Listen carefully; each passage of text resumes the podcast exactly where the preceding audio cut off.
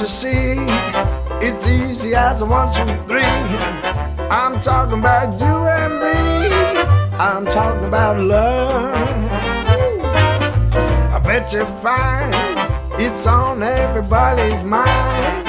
What makes us one of a kind? I'm talking about love. It doesn't matter where you travel, you are sure to see miracles unravel with L O V E. Listen here, the message is loud and clear. Can't help what I feel, my dear. I'm talking about love. Şimdi e, Mistik Yalancı'dan bir paragraf okuyacağım ve onunla ilgili yaşadığım bir olayı anlatacağım. Tamam. Derviş namzedi dergahlarda bahsettiğimiz hizmetleri yaparken aynı zamanda egosu ve tahammül sınırı disipline, et, e, disipline etmeyi öğrenirdi. Yaptığı bir iş güzel bile olsa olmamış denilerek yeniden yapması istenirdi. Tahammül eden, tekamül eder düsturunca verdiği tepkiler meşk dedesi tarafından gözlenirdi. Yani dergahlarda insan ya da kelimenin tam anlamıyla insanı kamil yetiştirilirdi. Bununla ilgili iki tane yaşadığım olay anlatacağım. Yaptığı bir iş güzel olsa bile e, olmamış diyerek eleştirilmesi e, ve egosunun tahammül sınırlarıyla ilgili. E, bir zaman ben e, semazen yetiştiriyordum Konya'da. E, bir de bir arkadaşım vardı bana yardım ediyordu. E, ben olmadığım zamanlar e, o ilgileniyordu semazenle. Bizim de semada bir şeyimiz vardı. Kızılcık sopası denilen bir sopa vardır. Böyle ince bir değnek. E, can acıtmaz fazla. El şöyle kalkmadan koldan eğer semazen adayı bir hata yaparsa şöyle küçükçe dizlerine vurulur. Yani kendine gel yaptığın hareket e, tam olmadı gibi. Kızılcık sopası deriz biz ona. Usulde vardır o. Bizim arkadaş e, genç çocuklardan bir tanesine bu kızılcık sopasını vurmuş ayağına sema eğitimi sırasında. Biraz da hızlı vurmuş herhalde. Sopa kırılmış. Ben gittim çocuk ağlıyor. Arkadaşı dedim ne oldu buna? Ya dedim dedi kızılcık sopasının şiddetini biraz fazla kaçırdık herhalde. Çocuk ağlıyor. Genç gurur meselesi yaptı dedi. Aa dedim bunun kolayı var. Onun gururunun yerine gelmesi için başka bir gurur kırılması lazım. Ne yapacağız dedi. Şimdi dedim ikimiz yalandan bir kavga edeceğiz. Çocuk böyle e, soyunma odasının kapısının önünde oturuyor. Böyle kafasını eğmiş böyle hafif mutsuz ağlamış da biraz.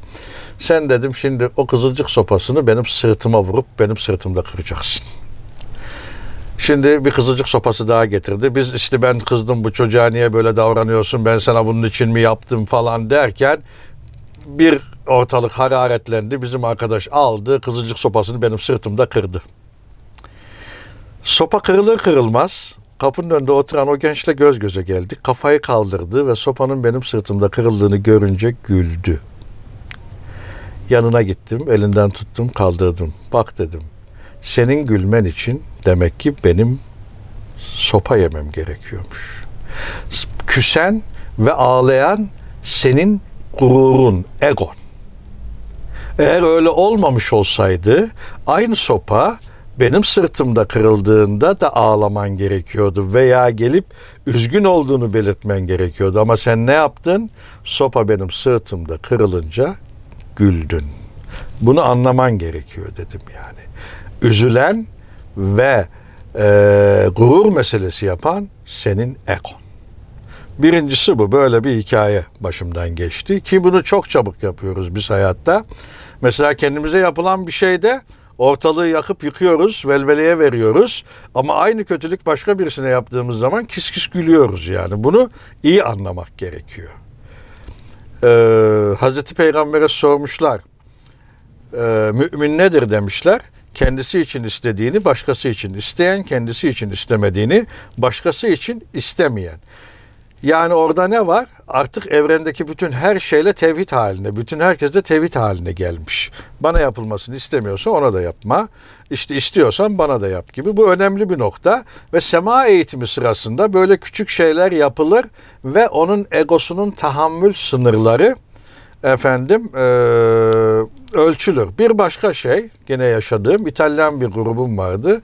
Onlara sema öğretiyordum. İçlerinde de çok neşeli bir çocuk var. Çok da severim kendisini. İsmi Pellegrino. E, çok zeki, çok hazır cevap. Hazreti Mevlana'yı çok seven, sema öğrenmeyi çok istiyor. E şimdi bu sema öğrenirken tabii yoruluyordu. Gözümün içine bakar, bakıyordu. Eyvallah demeyi öğretmiştik. Çünkü e, sema biteceği zaman ben eyvallah diyordum. Onlar da semayı bırakıyorlardı, dinleniyorlardı böyle. Gözümün içine bakardı. Dede hadi eyvallah de bana derdi. Dede eyvallah de bana. Yoruluyor çünkü falan. Tamam dedim Pellegrino. Eyvallah dedim. Sema ara verildi. Pellegrino sana dedim şimdi bir ceza vereceğim. Ne yapacaksın dedi. Gideceksin baklava alıp geleceksin bize. Çok severdi böyle ceza anında baklava alıp gelmeyi. Baklavayı aldı geldi. Efendim Pellegrino dedim sen eyvallah demeyi çok seviyorsun. O sema öğrendiğimiz, öğrettiğim yerde de bir 999 tesbih vardı böyle. Sen şunu alacaksın, oturacaksın ve burada 999 kere eyvallah çekeceksin bu tesbihle. Ama dedi bu nasıl olur dedi ben baklava yemek istiyorum. O zaman ikisinden birine karar vereceksin.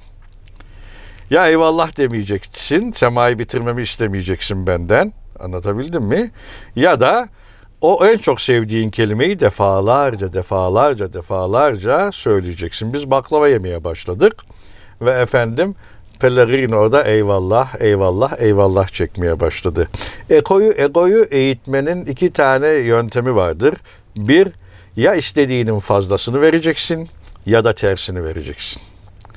Çünkü o eyvallah söylüyordu. Eyvallahı daha çok söyleyerek artık ondan sonra hiç eyvallah yani ben bitirmeden kendisi eyvallah deyip semayı bitirmedi. Anlatabildim mi?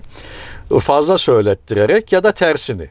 Yani tatlı istiyorsa tuzlu vereceksin. Anlatabildim? Egoyu e, eğitmenin iki basit yöntemi odur. Bir, ya fazlasını ya tersini.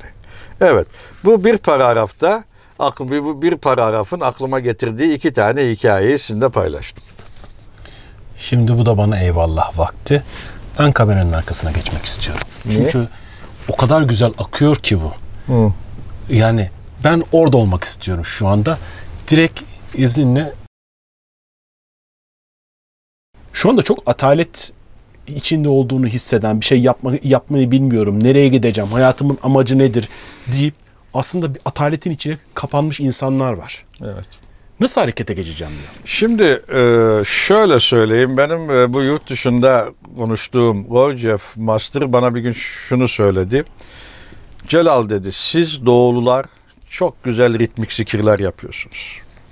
Fakat bu rit, e, zikirdeki ritmi günlük hayatınıza, çalışma hayatınıza bir türlü aktaramıyorsunuz dedi. Ve gerçek buydu. Biz bir dergaha gidiyorduk. 3-4 saat çok ritmik zikirler yapıyorduk böyle. Allah, illallah, hay, hu ve çok güzel. Zikir bittikten sonra bitiyordu. Elbette zikrin kendine has bir güzelliği, iç dünyamızda onunla kontak kurmak, efendim onu ıskalayışlarımızı hatırlamak elbette güzel bir şey. Zikir yapmanın en büyük şeylerinden bir tanesi şudur. Allah'ım biz seni unuttuk. E, ne olur şu hatırlayışımızı unuttuklarımıza say. Bize merhamet et. Böyle bir şey. Ee, ve son yüzyılda dergahlar pratiklerini kaybettikten sonra ne oldu? Böyle bir yerde toplanılıyor. Şey efendi kalbini kafasına eğ, e, kalbini kafasını kalbine doğru eğiyor. İnsanlar oturuyor. Bir şey bir şey bir şey ama bu değil. Önceden dergahlar böyle değildi. Fiziksel olarak da orada hareket ediliyordu. Hareket ediliyordu. Bunu son yüzyılda hareket noktasını en çok işleyen kişi Gurdjieff'tir. Ne yapmış Gurdjieff? Allah'ın hay esmasını, hay diri demek. Allah'ın hay ismini, diri ismini ki biz o hay ismiyle yaşıyoruz, nefes alıyoruz, efendim hareket edebiliyoruz. O hay esmasını bir döngü olarak bizden geçirip ortaya bir eser sunabilmek. Bir eser. Yani şu bardağı yapıyorum veya işte bir şey yaptım. Her şey olabilir. Yolda bir taşı kaldırabilirsin, efendim bir kediye su verebilirsin. Her şey eser haline dönebilecek veya bir şey icat edebilirsin. Her şey. Eğer bu enerji akmazsa tıpkı suyun akmadığı gibi bataklık haline dönüşüyoruz ve kokuyoruz. acısını da çekiyoruz. Hareket etmemenin acısını çekiyoruz. Çünkü hayat devam ediyor. Kiralarımız var, faturalarımız var, işte bir şeylerimiz var ekonomik olarak veya ruhsal olarak mutlaka e, bizim hareket etmemiz lazım ki akıp giden bu hayata adapte olabilelim ve artı bize e, yükler getirmesin bu hayat yani. Bu çok önemli ve Gurdjieff bunun için bir şey yapmış. İlk önce dışarıdan başla diyor. Küçük hareketler yap. Mesela kitapta da yazdım. Evinin e, evini boya. Odanı boya. Şimdi evini deyince insan koca bir evi nasıl boyayacağım diye korkabilir. Tamam. Odanı boya. Sen o ana kadar eline hiç fırça almamışsın. Yolun boyacının önünden bile geçmemiş. Ne yapıyorsun? Hareket ediyorsun, gidiyorsun boyacıya bir kilo boya alıyorsun, bir fırça alıyorsun. Nasıl boyayacağını soruyorsun. İşte içine ne su mu karıştırıyorsun, işte başka ne karıştırıyor öğreniyorsun. Ve başlıyorsun o enerji bir duvarı değiştirmeye başlıyor. Ama bu el kimin eli? Senin eli. Sonra geçiyorsun ah diyorsun ya duvar boyayabiliyormuşum ben. Güzel bir şey bu. Benim yaşadığım o okulda böyle bir şey yapıldığı zaman insanlar hemen parti verilirdi ona. Bravo çok güzel yaptın. Çok bravo sana. Buna gerçekten şu anda ihtiyacımız var. Toplum olarak ihtiyacımız var. Nasıl ihtiyacımız var? Çünkü bizim toplum artık öyle bir hale geldi ki sen küçüksün konuşma. Efendim büyüklerin yanında konuşulmaz. Küçükler bir şey bilmez. Sen kadınsın, sen erkeksin, sen işte bu işi anlamazsın diye bizi bizi öyle hale getirdiler ki vura vura vura vura küçücük bir şey kaldık biz. Güdek kaldık yani. Elinden iş gelmez. Efendim çok affedersin e, kör eşek yem yemez elinden. Anlatabildim. Biz öyle bir hale geldik ki bastırla bastırla bastırla hiçbir şey yapamaz duruma geldik. Hemen parti verilir ona. Onore edilir. Sen yaptın, harikasın, güzelsin. Ah de yapabiliyorum der ya. Ben boya yaptım. Elbette boyacı olmama gerek yok ama boya yaptım. Sonra işte gene o okuldan bir örnek vereyim. Bir marul şey var, bir tarla var. Taşlı. Küçük bir tarla, öyle büyük bir tarla değil. İşte e, master der ki bu taşları e, sökün, toparlayın ve marul ekin. Birkaç ayda yetişir marul mesela. Ve e, bu marulu yiyelim biz. Ee, okulumuzun, Sufi okulumuzun işte öğlen yemeğinde yiyelim. Taşlar temizlenir, marul ekilir. İşte marul olduktan sonra sökülür ve o ilk sofraya geldiğinde herkes alkışlar bu marulları falan yetiştirdi. Bravo, hemen onore edilir. Önceden bunlar dergahlarda yapılırdı. Nasıl yapılırdı? Bir kişi Mevlevi dergahına intizap eder istidadı varsa mesela üstad bir neyzen olurdu. Ona bir varlık verilirdi ve sonra denirdi ki bu varlığını tevazuyla yok et bakalım. Yokluğa bürün. Sonra o varlığı tevazusuyla yok ederdi. Veya şiirle ilgilenir. Muazzam bir şair olur. Öyle bir noktaya gelirdi ki artık ismini kullanmaz mahla kullanırdı şiirlerinde. Yani kendisini yok ederdi. Tasavvufta önce de variyet verilir, sonra verildikten sonra da yok etmesi istenirdi. Şimdi günümüz insanına diyoruz ki varlığını yok et ama adam varlığının farkında değil ki güdek kalmış neyini yok etsin. Biz onu o hale getirmişiz yani. Vura vura vura vura vura vura. Efendim veya sadece teoride yaşatarak tasavvufu, mistik dünyayı sadece teoride yaşatarak onu güdek bir hale getirmişiz.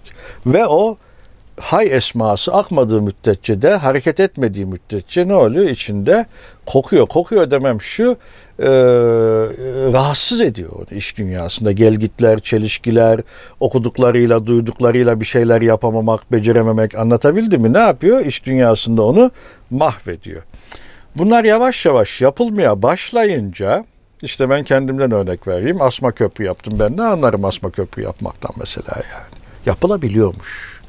Olabiliyormuşa inandırmak. Çünkü tasavvufta en önemli konu olmazları yok etmek. İlk önce bunu yok etmen gerekiyor. Olmazları her şey mümkün olabileceğine inanman gerekiyor. Allah varsa her şey olabilir yani mümkün. Bunları yaparken, yaparken, yaparken çıta o kadar yükseliyor ki bir gün. Ben o asma köprüyü yaptığımda şöyle geriye dönüp baktım. Hem üzüldüm hem sevindim. Üzüldüm. Neden yıllar önce yapmadım? Ben de böyle bir şey varmış yani.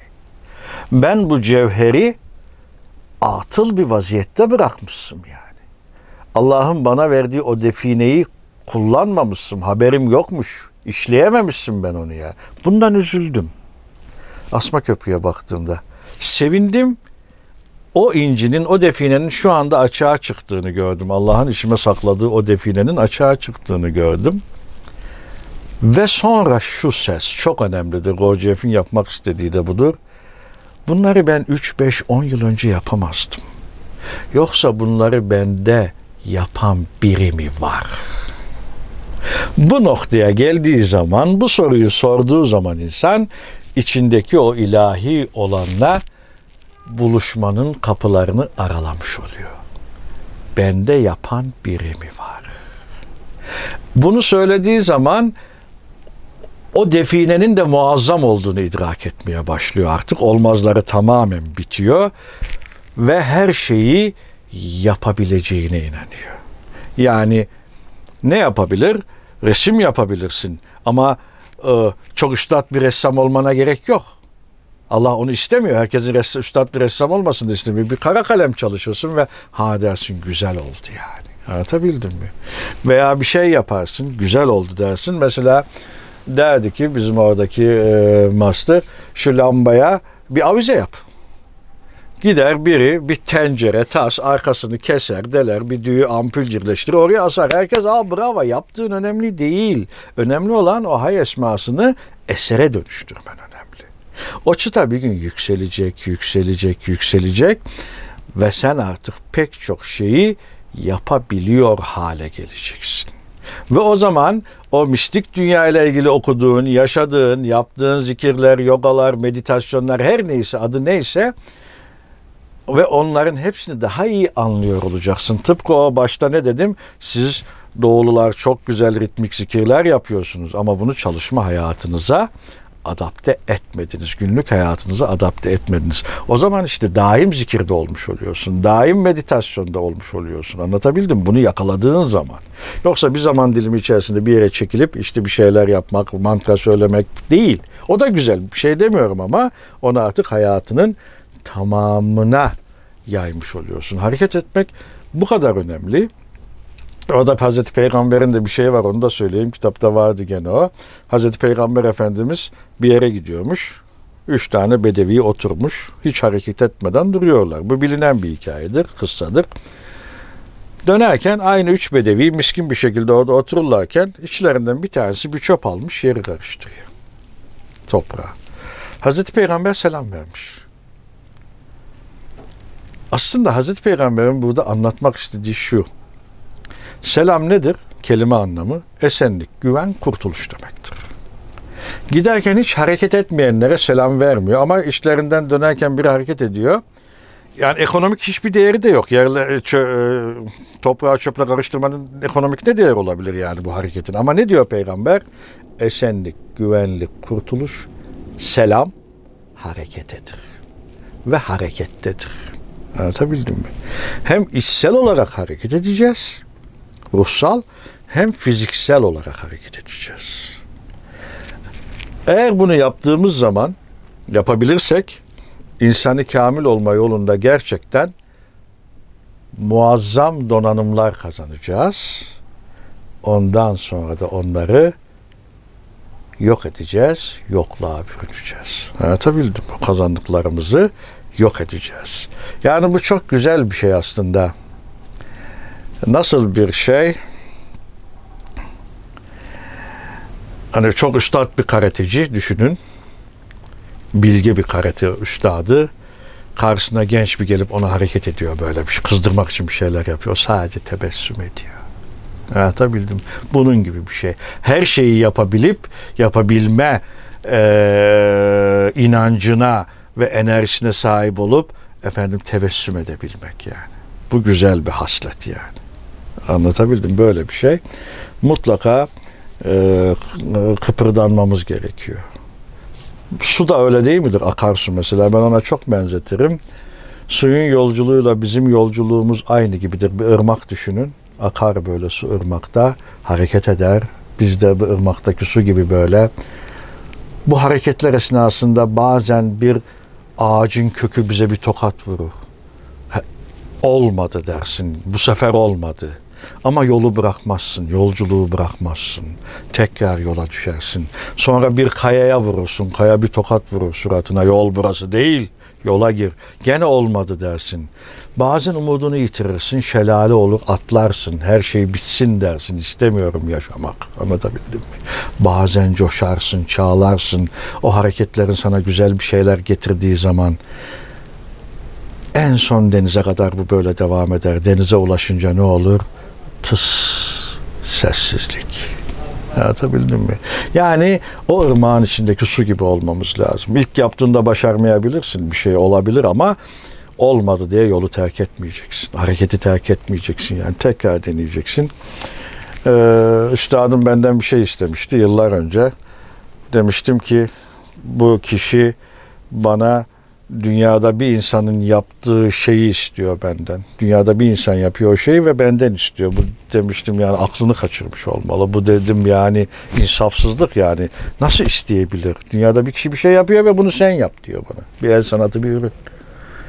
Ve kimse söylemiyor. Bilen yok yani. Ve söz dinlemedim. 11 yıllık sürgün dönemlerim. Ama 11 yıldan sonra bir güne otururken içimden bir ses kalk bunu yap dedi. Basit malzemeler buldum. Kalktım ve yaptım. Şuymuş, kendim kendime engelimsin. Kendi düşüncelerim, kendi olmazlarım bana perdeymiş yani. Ve sürgünüm de o aslında. O perdeden dolayı sürgün yemişim yani. Yapıp yapmamaktan dolayı değil. O perdeden dolayı, olmazlarımdan dolayı o 11 yıl sürgünü yemişim. İşte Konya'dan uzaklaştım.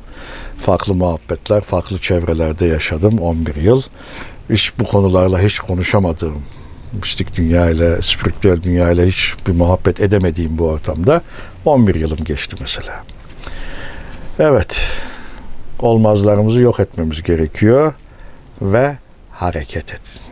Küçük şeyler yapın, toprağa karıştırın, domates ekin, ne bileyim evinizi boyayın. Küçük şeyler, resim yapın, fotoğraf çekin. Ben her zaman şunu söylüyorum. İnsanların bir işi olmalı. İşinin dışında da bir hobisi olmalı. Günde bir saat o hobisiyle uğraşmalı.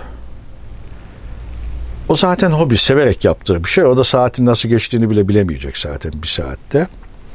İnanın bunu yapsın 10 yıl sonra o sevdiği hobiden para kazanıyor duruma gelecek. Kim erken başlar bir şeye ve kim daha çok zaman harcarsa o diğerlerini geçmiş olacak. İşte kafede oturanlar, efendim sokakta böyle aylak aylak gezenleri her bir deneyiminde geçmiş olacak, geçmiş olacak, geçmiş olacak ve bir gün bir ona diyecek ki sen bir noktaya gelmişsin. Artık bu işten para kazanman lazım veya diyecek ki bana şunu yap bedeline ödemek istiyorum sana diyecek ve yapmak zorunda olmadığı bir işi yapacak hobisinden para kazanıyor hale gelecek. Ne zaman? İşte 5-10 sene sonra yani. Neymiş? Bir işimiz olacak ama işimizin yanında bir de hobimiz olacak. Günün stresini, kederini, gelgitini, efendim e, kaosundan bizi alıp bizi dinlendiren bir iş. İşte kimine göre keçi yapmak olabilir, kimine göre resim yapmak olabilir, kimine göre bir enstrüman çalmak olabilir. Onu en yakın ne buluyorsa kendine yani. Ne buluyorsa, ne yapmak istiyorsa onu yapsın, hareket etsin hiçbir hareket bu evrende karşılıksız kalmaz. Evet. Hu.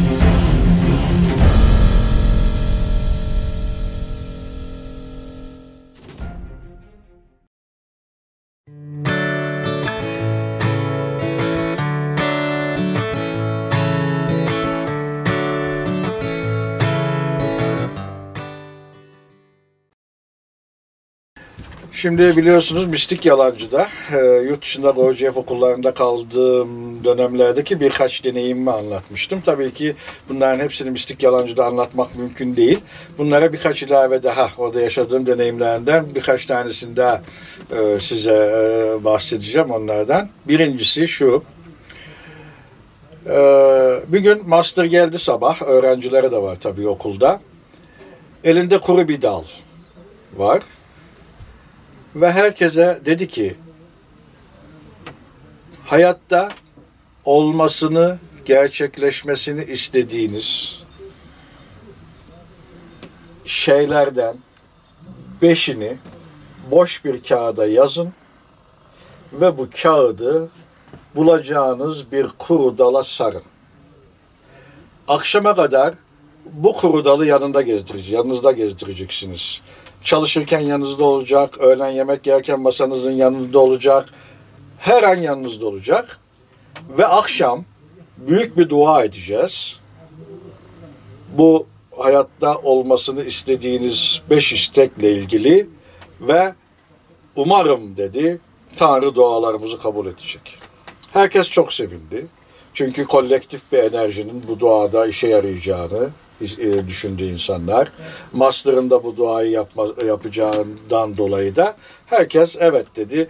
En azından beş isteğimizi yazalım. Hayatta istediğimiz beş şeyi. Belki bir tanesi olur, belki iki tanesi olur. Ve herkes beş isteği yazdı. O kağıdı da kuru dala koydu. Sonra master bana geldi. Ben yazmamıştım. Celal sen niye yazıyorsun, yazmıyorsun dedi. Dedim buna gerek yok gerçekten. Çünkü insanın istekleri bitmiyor. Beş tane isteğimi yazsam belki bir on beş istek daha gelecek arkasına.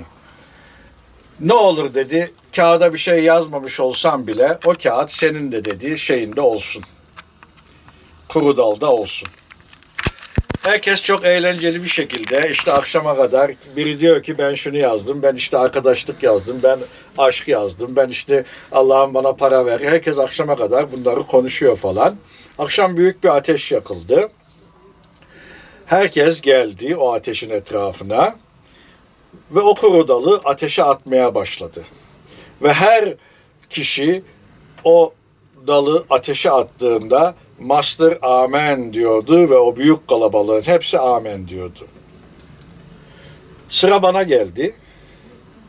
Ben ateşe doğru yaklaşırken Master Celal dedi o kağıdını bizimle paylaşır mısın ki? Çünkü benim kağıtta hiçbir şey yazmıyordu. Bomboş bir kağıttı. Elbette paylaşırım dedim.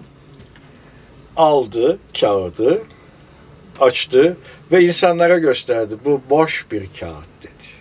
Boş bir kağıt bakın. Ve mesajı şuydu. Bizler hayatta kuru dallar gibiyiz. İstek ve arzularımız ise bizi sarıp sarmalamış adeta onların esiri olmuşuz. Bu isteklerinizi böyle aşk ateşinde yakmadığınız müddetçe asla hiçbir isteğiniz gerçekleşmeyecek. Ve o isteklerinizin de esiri olmaya devam edeceksiniz. Bu kağıtlar böyle bomboş olmalı ya böyle bomboş olmalı ya da aşk ateşinde yanmalı. Bir tanesi buydu ve çok e, etkilemişti beni bu. Ee, yine bir e, orada yaşadığım deneyimlerden bir tanesi. Master hep onu gözlemlememi isterdi. Yani benimle ilgili not tut derdi. Yani bir doğulu e, sufi anlayışı batılı bir master'ı nasıl görüyor? Ve ben bazen o öğrencileriyle konuşurken veya bazı deneyimler yaptırırken insanlara not tutardım. Bir gün gene büyük bir toplantı halindeyiz.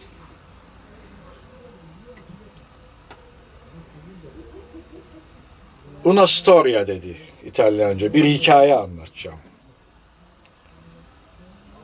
Bütün öğrencileri gözlerini açtı çünkü master bir hikaye anlatacaktı. Aradan 10 saniye geçti, 20 saniye geçti, 30 saniye geçti ve master ağlamaya başladı. Ağladıktan sonra Ben büyük master dedi. İsmini söylemeyeceğim. Ben büyük master falan. O kadar büyük master'ım ki sizin gözünüzde. Ama bu zavallı size anlatacağı hikayeyi unuttu dedi. Ve ağlamaya başladı tekrar. Hepinizin gözlerini bana çevirdiği bu büyük master, bu zavallı kişi size anlatacağı hikayeyi unuttu dedi. Yani olay bu. Master'da olsan, gökte uçuyor bile olsan, ne olursan ol, asla mükemmel değilsin mesajı. Sonra toplantıdan sonra ya aldığım bir notta şunu söylemiştim. Eğer dedim o hikayeyi anlatmış olsaydın öğrencilerini bu kadar çok etkilemeyecektin. Oradaki doğallığın ve büyük bir master olarak kendinin de asla mükemmel olamayacağını doğal bir yolla öğrencilerine söyleyip gösterip bak ben sizin master'ınızım ama anlatacağım hikayeyi unuttum demen onlara daha büyük bir eğitim oldu. Yani asla mükemmel olmadıklarını, hiç kimsenin mükemmel olamayacağını öğrenmiş oldular. Mesela bir sema ayininde Mevlevilerde bir usul vardır. Sağ ayak sol ayağın ucuna kapanır şöyle ayak parmağı. Bu şu demektir. Hiçbirimiz mükemmel değiliz. Ateşbaz Veli'den gelir bu hikaye. Biliyorsunuz Ateşbaz Veli Hazretleri Hazreti Mevlana'nın ahçısıdır. Bir gün dergahta odun biter ve gelir der ki efendim odun kalmadı. Ah Ateşbaz der ayağını kazanın altına sokuver der Hazreti Pir Efendimiz. Ateşbaz Veli gider ayağını kazanın altına sokar ve sol parmağından bir ateş çıkar ve kazanı pişirmeye başlar. O anda kalbine bir şüphe gelir. Ayağım yanacak mı acaba? Dediği an sol ayağının baş parmağının ucu yanar ve kararır.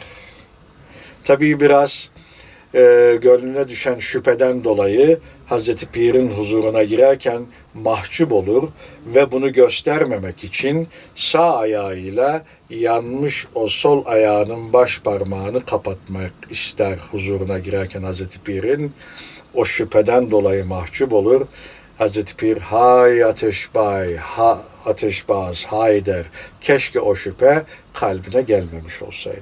Yani aslında Mevlevilerde sağ ayağın sol ayağının üzerine kapatmasının anlamı budur. Hiç birimiz mükemmel değiliz. Yine Gorgiev okulunda Gorgiev dansı çalışıyorum. Bayan bir dans hocam var. Üç kişiye sabah erken dans çalıştırıyor. Tamamen beyaz elbiseler giyiyoruz. Ve dansa başlamadan önce bir dua ediyor bu hoca. Allah'ım sağıma ışık ver, soluma ışık ver, önüme ışık ver, arkama ışık ver, gözüme ışık ver. Dedim bu pirin duası.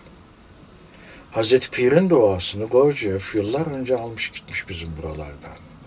Tabii bunu dans hocama söylemedim ve o bilmiyordu bunu. Tabii benim bedenim de biraz dans etmeye çok fazla müsait olmadığı için, işte Konya'nın et ekmeğini, kebabını fazla yediğimiz için orada bir hareket var. Elini 90 derece kaldırabilmek böyle. Da, oval bir oda, salon ve her tarafı cam. Hocam diyordu ki Celal elini kaldır. Dede derdi bana. Dede elini kaldır. Kaldırıyorum. 90 derece olmuyor elim. Dede olmadı diyordu. Aynadan bak. Bak olmadı. Bakıyorum. Gerçekten olmuyor. Dede tekrar dene. Tekrar deniyorum. Olmuyor. Elim 90 derece kalkmıyor. Düşündüm Celal. Burada Allah sana ne öğretiyor? Bu aynalı odanın sana öğretmek istediği ne? Bu dans hocasının ısrarla olmuyor, olmuyor, olmuyor demesindeki sebep ne? Ve anladım. Yere oturdum. Şunu söyledim kendi kendime. Celal, sen daha bedenini tanımıyorsun. Elini 90 derece kaldırıp kaldıramayacağından haberin yok. Sen ruha nasıl yol bulacaksın? Sen ruhunu nasıl tanıyacaksın? İlk önce bir bedenini tanı. Ve bu çok önemli. Gerçekten ruha yolculuk etmek için insanın bedeninden ki beden varlığımızı oluşturan üç şeyden bir tanesi beden, ikincisi akıl ve üçüncüsü ruh. Buralardan başlayarak yolculuk ediyoruz. Dans hocamın bana öğrettiği en güzel şeylerden bir tanesi buydu. Bedenini tanımadan ruhuna asla yol bulamazsın. Teşekkür ederiz. Yani burada e, özellikle kitapta da çok e, dile getirilen, sık sık altını e, altını çizdiğiniz şey var. Bilginin yaşanması hali. Evet. O. E, bilgi yaşanmadığı sürece, hayata geçirilmediği sürece Evet. e, o sadece biliyorsun. Yük oluyor ve zihinde çöplük oluyor aslında o yani. Peki bilginin hayata geçirilmesi konusunu hep zihin soruyor ya. Nasıl yapacağım ben bunu? Onu tekrar anlatayım o zaman. Var bu. Tamam. Ee, şimdi biz bir şeyler duyuyoruz. İlk önce Allah bize bir şeyi duyurur. Bişnev diyor ya. Dinle. Bişnev, dinle. Kur'an-ı Kerim'in ilk gelen mesaj ne? Vahiy ne? Oku. Oku ya da okunanı dinle. Anlatabildim mi? Bir bilgi gelir. Bizim şu kulağın yarığından içeri girer. Bir isim diyelim buna. Ne duyduk? Mevlana'yı duyduk. Sufileri duyduk. Dervişler varmış. Çok huzurlu insanlarmış. Dingin insanlarmış iş dünyalarında. Hiç alakam yok benim diyelim ve o kulaktan şuraya girdi o bilgi. Bir tohum gibi. Bu burada durur. Zihinde durur. Farkında olmadan e, hayat o tohumu çimlendirmeye başlar. Sen farkında olmazsın. Çektiğin acılar, gelgitler, sevinçler, o tohum çimlenmeye başlar. Çimlendikten sonra bilmek istersin. Bu ikinci aşamadır. Bilmek istemen. Bu aşamada Mevlana ile ilgili kitaplar okursun. Sufilikle ilgili kitaplar okur, deneyimler yaşar, seyahatler edersin. Yani daha böyle bu bilginin içine doğru seyahat etmek istersin ama bu yine bilgi noktasında yani. Bilgi. İkinci aşama bu. Üçüncü aşamada dersin ki bu bilgiler acaba yaşanılabiliyor mu? Yoksa bir ütopya mı, bir metafor mu, bir hayal mi? Bu ne? Bir büyü mü bu? Üçüncü aşama en zor aşamadır burada. Yani böyle bir bilgi yaşanılabiliyor mu? Yaşanılamıyor mu?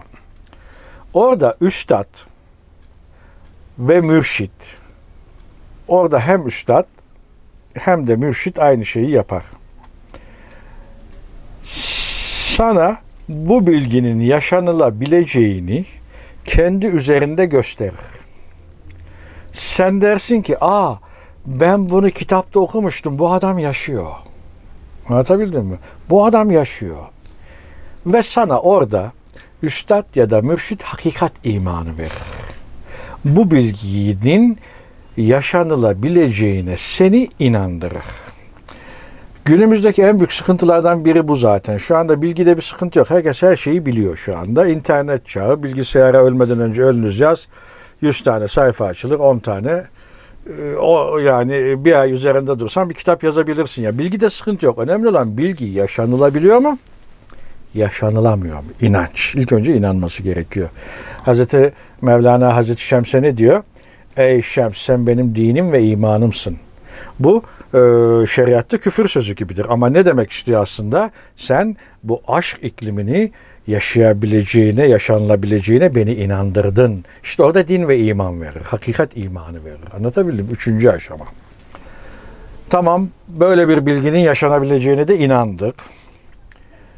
Dördüncü aşama ne? Bu bilgiyi üstadın ya da mürşidin üzerinde seyretmeye başlarsın. Nasıl oturuyor, nasıl kalkıyor, nasıl nefes alıyor, olaylara ve insanlara nasıl davranıyor, sessizliği nasıl, konuşması nasıl, her şeyiyle, her şeyiyle seyretmeye başlarsın. Hacı Bağım öyle derdi. Bir çeşit kaplumbağa var derdi, yumurtlar derdi, üstüne yatamaz ya kaplumbağa. 21 gün şöyle geriden çeker bakar ona derdi. Çekilir bakar yumurtaya. O 21 günlük bakışla yumurtanın içindeki yavru canlanır. Gözünü bir an kaydırsa yumurta cılk çıkar derdi. Yani kaplumbağanın yumurtasını seyrettiği gibi üstadı seyredecek. Seyredecek. Daha sonraki aşama onu taklit etmektir. Seyrettikten sonra. Nasıl taklit edecek? İlk önce zahir aktivitelerini, durumlarını e, şey yapacak, e, taklit edecek. Bu o kadar ilerleyecek ki artık biraz önce söylediğim metafizik genetiği dedim ya, mürşidin metafizik genetiği artık onu da yavaş yavaş içine almaya başlayacak bu taklitle beraber. Her taklit ettiğinde bir şey damıtılacak, kalbine konacak. Her taklit ettiğinde bir şey damıtılacak, kalbine konacak.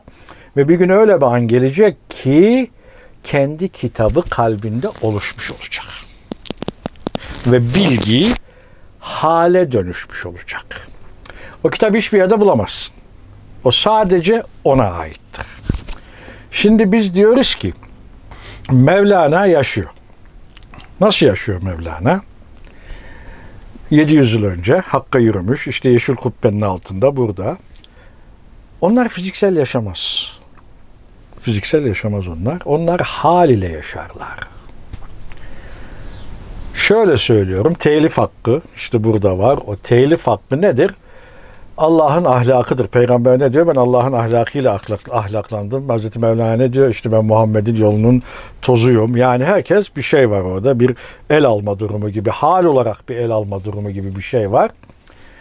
Telif hakkı Hazreti Mevlana'ya ait olan bir hali sen bu aşamalardan geçirerek parantez içinde az ya da çok çünkü mistik dünyada az ya da metafizik dünyada az çok şeyi de çok olmaz ama anlatabilmek için söylüyorum yani az ya da çok üzerinde ne kadar yaşarsan Mevlana o hal üzere sen de o kadar yaşar.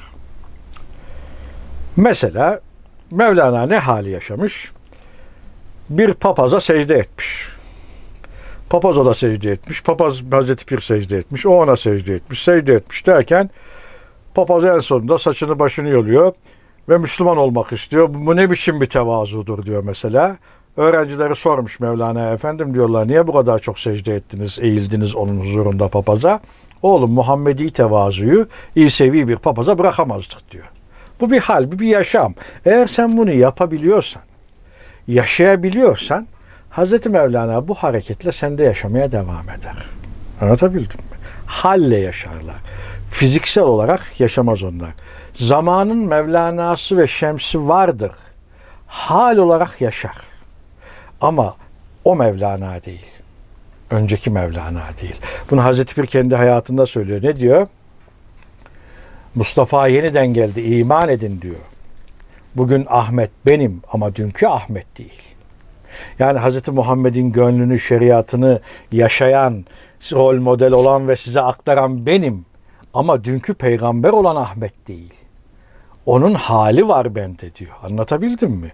Yani zamanın da bir hal olarak Mevlana ve Şemsi vardır. Ama önceki gibi değil. Öncekiler gibi değil. Zat olarak değil yani. Hal olarak vardır. Tabii biz şimdi metafizik dünya ile ilgili şeyleri fizik dünyanın enstrümanlarıyla anlaya, anlamaya çalıştığımız için Mevlana yaşıyor deyince fiziksel bir Mevlana bekliyoruz. Değil. Onlar hal ile yaşarlar. Ama şu olur. Hani kulakta tohum çimlenir dedik böyle bir aşamalardan geçer dedik ya. Her aşamada bazıları dökülür kalır. Kimi çimlenme safhasında o bilgi e, biter. Kimi e, öğrenme noktasında biter. Kimi inanç noktasında inanmaz o bilgiye yaşayamaz. Kimi tam seyredemez. Kimi tam taklit edemez. Anlatabildim mi? Her aşamada böyle kalburdan hani sallanır da küçük taneler aşağı dökülür ya. Onun döküldüğü gibi bilgiler böyle yavaş yavaş yavaş yavaş aşağıya dökülür. Mürşitlerin işi de zaten o üstte kalanlarla. Hem öğrenci olarak hem bilgi olarak o kalburun üstünde kalanlarla onlarla öğretilerine devam eder. Bilgi hale yani yaşantıya böyle dönüşür. Bir, duyuş. iki çimlenme. Üç, inanç. Dört, usta üzerinde seyrediş. Beş, taklit. Altı, damıtma ve yaşama. Anlatabildim. Damıttıktan sonra onu kendi üzerinde yaşamaya başlar. Bilginin hale dönüşümü böyledir. Eyvallah. Bir sorun var. Ee, inşallah vakit kalır yani şeyi. Kalamazsa da canımız sağ olsun. Ben kitapta da aklıma gelmişti şeyde. Tevazu. Muhammedi tevazu. Hani biri demiş ya bırakmayın siz. Buradaki kasıt nedir? Tevazudan kasıt. Evet. Şimdi söylüyorsun. Yok ortalığı topladım. Hazreti Mevlana diyor ki aslında tevazu gösteren insan diyor. Benim öyle gözlerim var ki şu görünenin dışını görüyorum. Öyle bir idrakim anlayışım var ki herkesin anladığının daha dışında daha derin şeyler anlayabiliyorum. Benim öyle bir duyuşum var ki kimsenin duymadığını duyuyorum demek istiyor. Yani perdenin arkasından haberdar olan kişi. Perdenin arkasında olan kim? Yaratıcı. Güç onda, güzellik onda, kuvvet onda. Değil mi? Bizim cürmümüz ne olabilir ki? Cürmümüz ne olabilir yani? Tevazu gösteren insan onun huzurunda eğilen ve aslında hiçbir şey olmadığını anlayan insandır. Anlatabildim mi? Hazreti Mevlana Muhammedi tevazu derken onun mürşitlik vasfı ortaya çıkıyor. Yani ben diyor Hazreti Peygamber'in ahlakıyla ahlaklanmış biri olarak o tevazuyu da ona bırakamazdım. Onun göreviydi o yani. Muhammedi tevazuyu bırakmamak efendim onun göreviydi. Mesela Hazreti Peygamber değil mi? Taif'ten gelirken ayakları taşlanmış. Kan revan içinde kalmış. Yani biz olsak yakar yıkarız ortalığı değil mi? Cebrail gelince ne diyor? Al istersen şu iki daha kavuşu versin. Onlar bilmiyorlar diyor. Bilmiyorlar.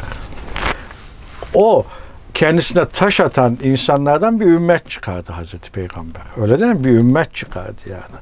Ashab-ı Suffe çıkardı mesela. Öyle değil mi? Onun gibi. Yani tevazu göstermek perdenin arkasından haberdar olmaktır. Mesela tekkeler önce de, de, de kapılar nasıldı? Alçak yapılırdı. Eğilmeyi öğrenirlerdi.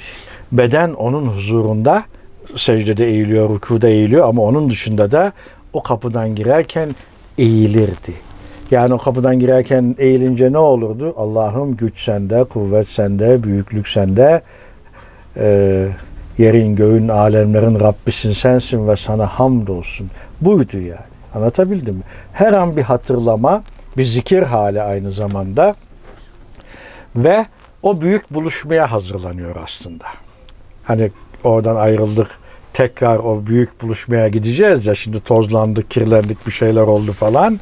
Tekrar o eğilme, o tevazu gösterme aslında o büyük sultanın huzuruna giden bu yolda bizim yaptığımız egzersizler gibi. Burnu havada gidemezsin. O yüzden eğilmeli ve o muazzamlığın karşısında tevazu sahibi olman gerekir. Yani kibir yakışmaz. Kibir Allah'a yakışır. Kibriya sıfatı vardır ama kula yakışmaz. Etine, buduna, cürbünü yani değil mi? Affedersin biraz bir güç verseler bize her şeyi yakar yıkarız. Başımız ağrısa mızmızlanır, şikayet ederiz. Çekilmez bir oluruz. Yani bizim sınırımız bir yere kadar. Hem Allah'ın bize verdiği ilahi bir nefes ve güç var ama hem de aynı zamanda muazzam bir acziyetimiz var. Ve biz bunu günün 24 saatinde defalarca yaşıyoruz böyle. Haddimizi bileceğiz ve tevazu göstereceğiz. Her şeye, herkese, sadece insana mı? Hayır, bitkiye, ağaca, ona, buna, falana anlatabildim mi? Mesela yaşadığım bir şey, kendi kendime yaptığım bir şey vardı. Bir yerden gidiyordum. Caddede birkaç hayat kadını vardı. dua etme isteği hissettim. Allah'ım dedim. Önce onlara sonra bana mı hidayet ver? Yoksa önce bana yoksa onlara mı hidayet ver?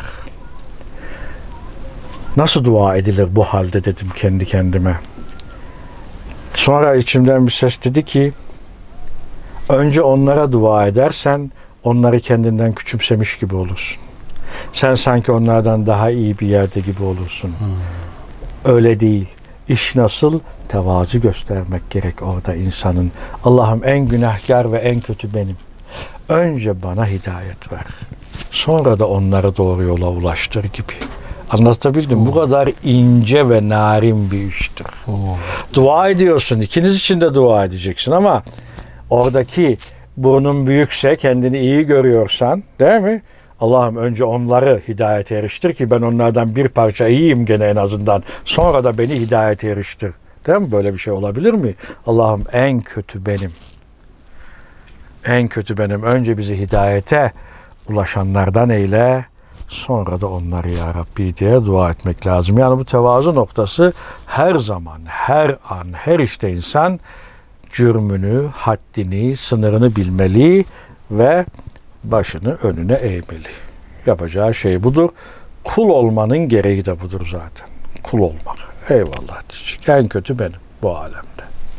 Yani bunu dille söylerken eee, öbür tarafta böbürlenme değil tabii. Eee, ya ama en azından mükemmel olmadığını, hatalarının ve kusurlarının olduğunu bilecek ve Allah'ım bizlere merhamet eyle, bizleri bağışla, bizleri affet diye sadece hatta kendisi için de değil, bütün bir alem için de dua edecek yani. Sadece kendisi istediği zaman o da olmaz. Sadece kendisi için istiyor yani. Değil mi? Herkes için isteyecek. Tevazu farklı bir olay. Allah bizi tevazudan ayrılmayanlardan eylesin inşallah.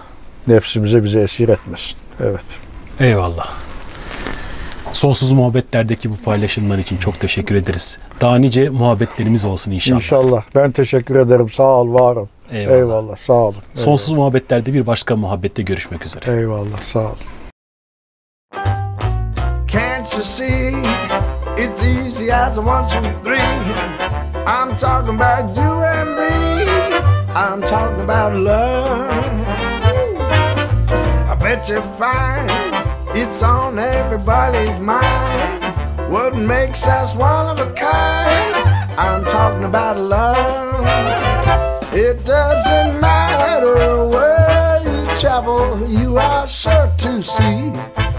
Miracles unravel with L O V E. Listen here, the message is loud and clear.